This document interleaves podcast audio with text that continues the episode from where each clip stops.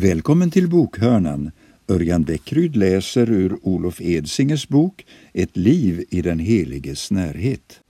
Självklart inser jag att vi alla kommer att komma till korta när vi står inför vår domare. Den ende som på domens dag ska visa sig värd makten, rikedomen, visheten, kraften, äran, härligheten och lovsången är Jesus själv. Men ju mer vi här och nu har låtit Herren bruka oss, desto större ära kommer vi att bereda honom vid hans återkomst och dom. Och på den dagen kommer det inte att finnas någon större glädje än att få ge Jesus all ära för vad han har gjort. Domens dag är naturligtvis också den dag då vår skapare ska få sista ordet i fråga om ont och gott. Både i Gamla och Nya testamentet lyfts domedagen fram som den tidpunkt då all världens ondska ska få sitt slutliga straff.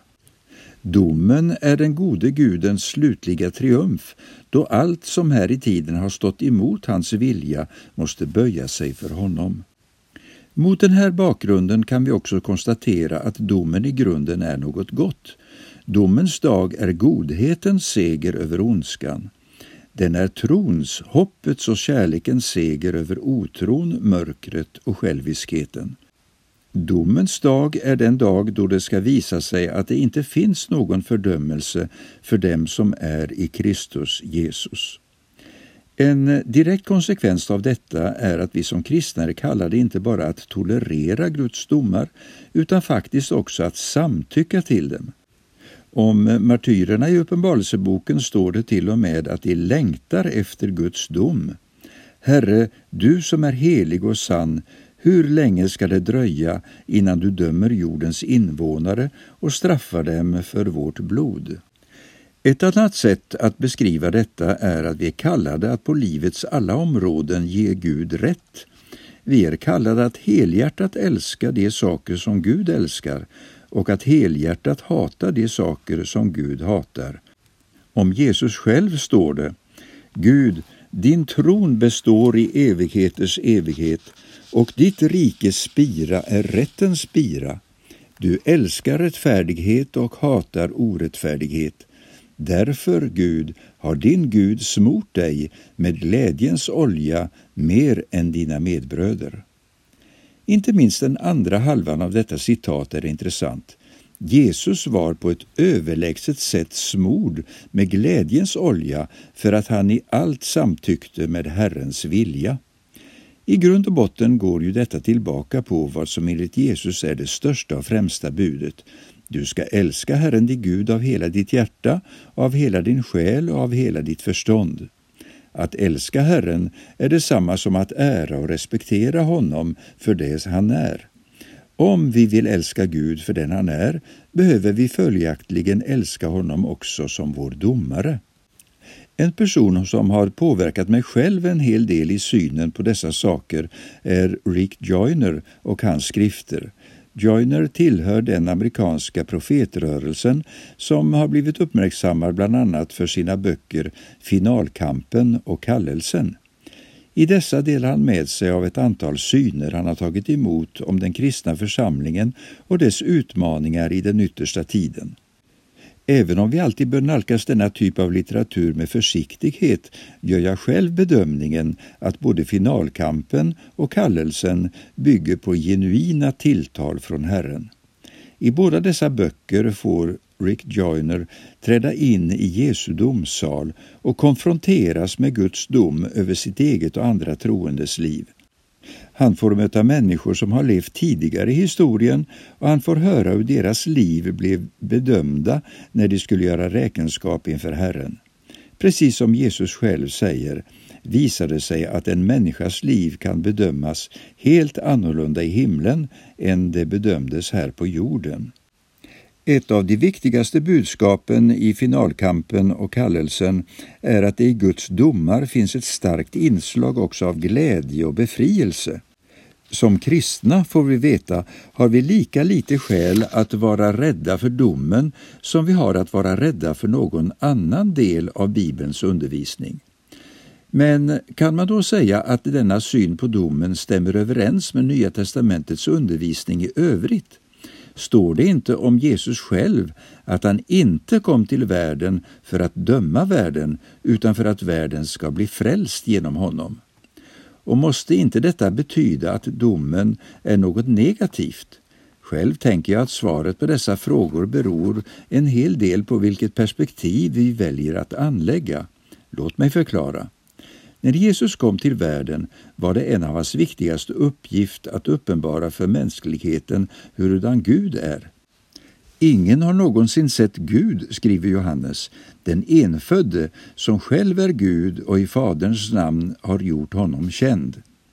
Ett viktigt skäl till varför Jesus kom till världen var alltså att övertyga oss människor, vi som genom synden har blivit rädda för Gud och misstänksamma mot honom, att han faktiskt går att lita på. Genom att bota sjuka, driva ut onda andar och uppväcka döda samt genom att på ett kärleksfullt sätt bemöta alla dem som kom till honom visade Jesus att Gud står på det godas sida. Detta innebär dock inte att domen lyser med sin frånvaro i Jesu liv och tjänst, snarare tvärtom. Dels visar Nya testamentet att både otron och orättfärdigheten blev orsak till starka fördömanden från Jesus sida. Dels står det att Jesus undervisade om både helvetet och den yttersta domen, den dom som enligt Jesus har blivit överlämnad i hans egna händer.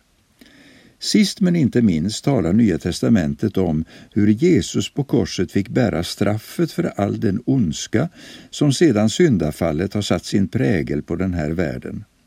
På korset drabbades Jesus av Guds vredesdom över synden.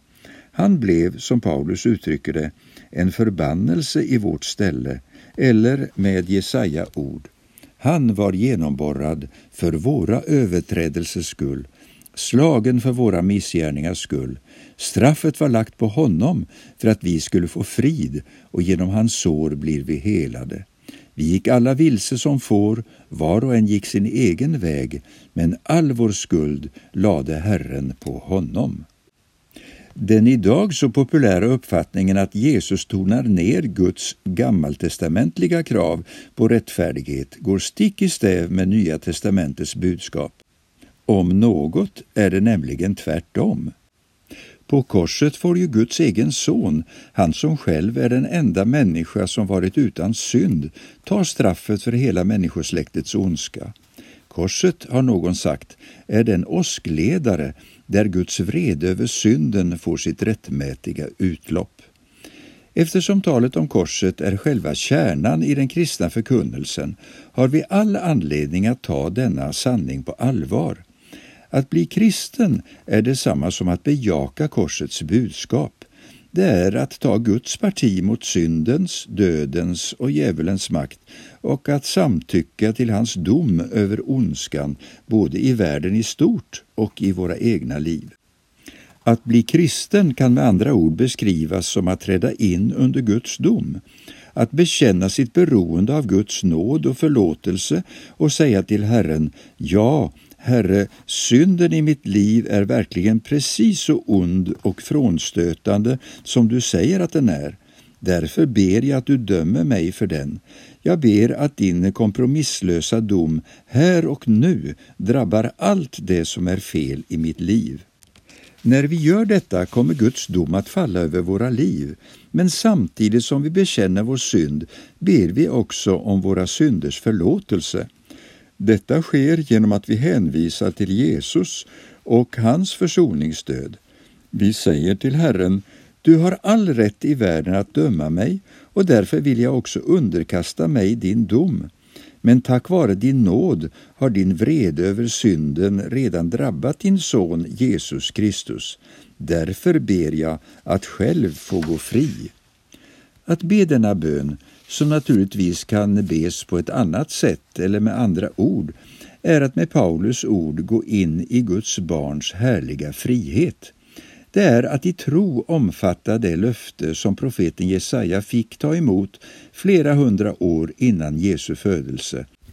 att Guds dom visserligen måste gå över våra liv, men att straffet för våra synder skulle falla på Jesus Kristus.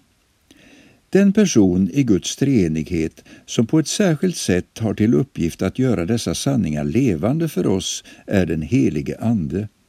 Andens huvudkallelse är att underlätta för oss människor att se på Jesus. Han ska förhärliga mig, för han ska ta av det som är mitt och förkunna för er, säger Jesus. En viktig aspekt på detta uppdrag är att visa oss på vårt beroende av Jesus och mer specifikt på vår synd. Först när vi ser synden i vitögat kan vi nämligen förstå att vi behöver Guds förlåtelse.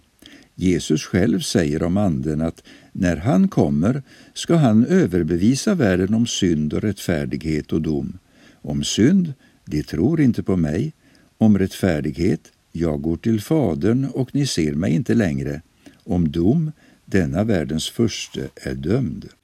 Syndens mest grundläggande uttryck, säger Jesus, är att vi människor inte vill leva i tro på honom. Vi vill inte göra oss beroende vare sig av honom eller av hans undervisning. Men denna otro, säger Jesus, har den helige Ande till uppgift att avslöja. Bara om vi ger Anden vår tillåtelse till detta kan vi bli räddade från helvetets eld. Med tanke på det här är det förstås av oerhört stor vikt att vi inte stänger oss ute från Guds dömande verk. Om vi inte låter oss formas av Guds syn på vår synd kommer vi att allt mer glida bort från Herren. Vi kommer i allt högre grad att ta synden i försvar och vår insikt om behovet av förlåtelse kommer att förblekna. Hebreerbrevets författare skriver Se till att ni inte avvisar honom som talar, för om inte det kom undan som avvisade honom när han varnade dem här på jorden, hur ska då vi göra det om vi vänder ryggen åt honom som varnar oss från himlen? En annan infallsvinkel på det här är att den heliga Ande redan under våra jordeliv vill förbereda oss för den yttersta domen. Den heliga Ande vill hjälpa oss att här och nu göra upp med vår synd och våra felaktiga tankebyggnader. På så sätt kommer vi nämligen att med större glädje kunna möta Jesus när han kommer tillbaka för att döma oss. Som Paulus uttrycker det, men när vi döms fostras vi av Herren för att inte bli fördömda tillsammans med världen. Genom detta blir det också tydligt att Guds dom här och nu faktiskt kan ses som ett uttryck för hans nåd. Eftersom domen avslöjar det i våra liv som står Herren emot ger den oss en möjlighet att omvända oss till honom innan det är för sent. Tiden är inne för domen och den börjar med Guds hus, skriver Petrus. Må Gud ge oss all den tro som vi behöver för att ta vara på möjligheten att här och nu göra upp med vår synd. Välkommen till fortsatt lyssnande av uppläsningen ur Olof Edsingers bok Ett liv i den heliges närhet.